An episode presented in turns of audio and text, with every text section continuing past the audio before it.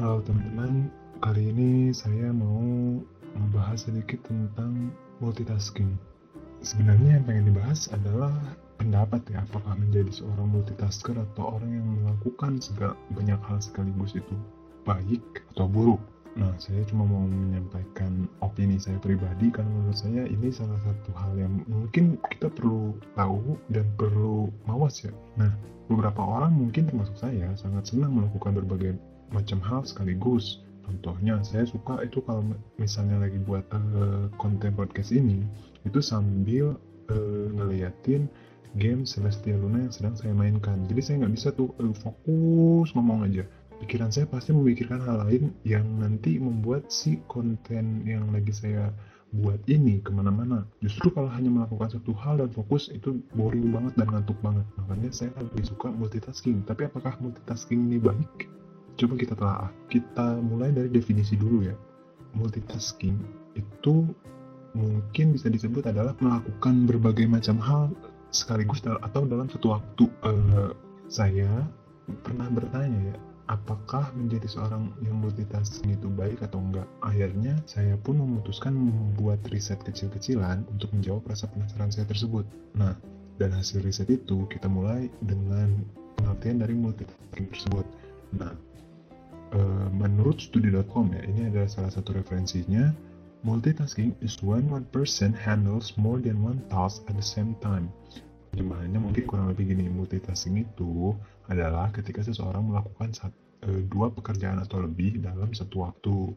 Misalnya ibu-ibu teleponan sambil masak sambil gendong anak. Itu termasuk multitasking. Nah, secara umum kita bisa artikan e, bahwa melakukan dua hal atau lebih sekaligus adalah multitasking. Contoh sederhananya kan tadi sudah disebutkan ya. Tapi apakah aktif di Facebook dan Instagram dalam satu waktu juga disebut multitasking? ya I don't know entahlah nah intinya mari kita sepakati bahwa orang yang melakukan dua aktivitas e, secara bersamaan disebut orang yang multitasking kita setujuin itu dulu ya nah selanjutnya dari hasil riset saya tersebut saya mendapatkan informasi berupa dampak positif dan dampak negatifnya. Nah sekarang kita mulai dengan dampak positif dari menjadi multitasking. Yang pertama pekerjaan lebih cepat selesai. Nah, dengan melakukan beberapa hal sekaligus, tentu kan pekerjaan kita semakin cepat selesai. Kalau tugas sudah selesai, tentu kita, kita jadi punya waktu luang untuk bersantai atau melakukan hal-hal yang bersifat personal kayak main game atau buka sosmed. Nah, selain itu, jika pekerjaan kita bukanlah yang terikat dengan waktu ya, for example, kerja kantoran, itu berarti kita bisa pulang lebih cepat dong. Nah, untuk saya, itu adalah kenikmatan bagi seorang pekerja pulang lebih cepat. Nah, dampak positif yang kedua yaitu konsentrasi jadi lebih baik atau melatih konsentrasi. Orang yang terbiasa multitasking akan menjadi pribadi yang sangat konsentrasi terhadap segala hal, terbiasa dengan hal-hal detail.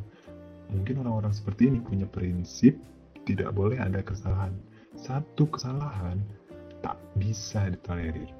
Ini bagus, khususnya di dunia kerja. Orang yang punya fokus dan konsentrasi yang baik diperlukan khususnya di dunia industri yang sangat menggunakan kecepatan, kecepatan, kecekatan, dan ketepatan. Nah, tapi dari dampak positif tersebut tentu harus ada dampak negatifnya.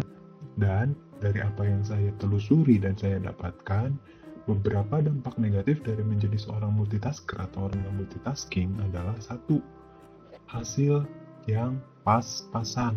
Pengalaman pribadi, saya adalah seorang content writer atau mungkin penulis, content writer, penulis. Dan saya pernah multitasking, tepatnya membuat konten tulisan sambil memikirkan evaluasi kinerja mingguan.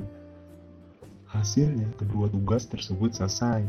Tapi, tulisan saya Hari itu tidak memuaskan sama sekali. Ketidakpuasan tersebut merupakan pendapat saya pribadi sebagai yang menulis, yang mempunyai karya. Yang mempunyai karya aja nggak puas, apalagi yang menikmati karya. Hasil evaluasi saya pun kurang memuaskan. Kalau yang ini uh, sudah akumulasi pendapat pribadi dan juga pendapat bos. Data yang dibawa kurang relevan, sifatnya terlalu intuitif, itu komentar yang saya dapat dari bos saya. Jadi, kalau Anda adalah orang yang punya prinsip bekerja untuk berkarya, maka menjadi pribadi yang multitasking tidaklah sesuai. Ini juga menurut saya pribadi. Uh, yang kedua, pusing. Saya pernah dibebani tanggung jawab pekerjaan yang bertumpuk sekaligus untuk satu hari karena saya merasa sanggup mengerjakan semuanya. Saya pun mengatur meja kerja saya sedemikian rupa dan melakukan semua pekerjaan yang bisa dilakukan bersamaan sekaligus.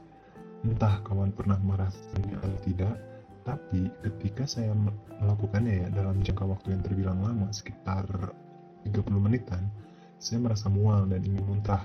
Mungkin ini faktor belum terbiasa saja, tapi dari situ saya bisa memahami bahwa menjadi seorang yang multitasking itu berat dan saya pun menarik kesimpulan bahwa kalian belum dikatakan multitasking ketika kalian belum melakukan banyak hal sekaligus sampai kalian merasakan mual.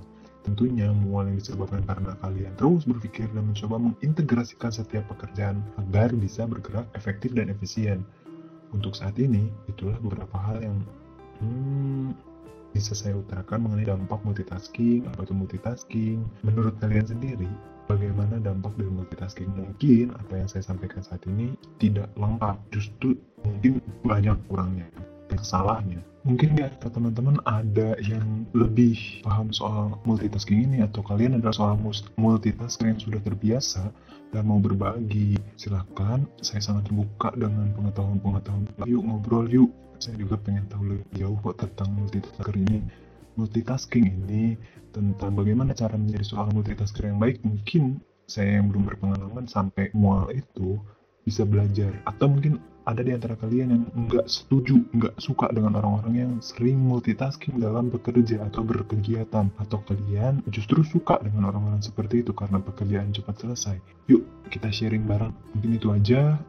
Maaf banget kalau banyak kekurangannya. Terima kasih sudah mendengarkan. Selamat kembali beraktivitas atau selamat beristirahat. Salam Mas Bun.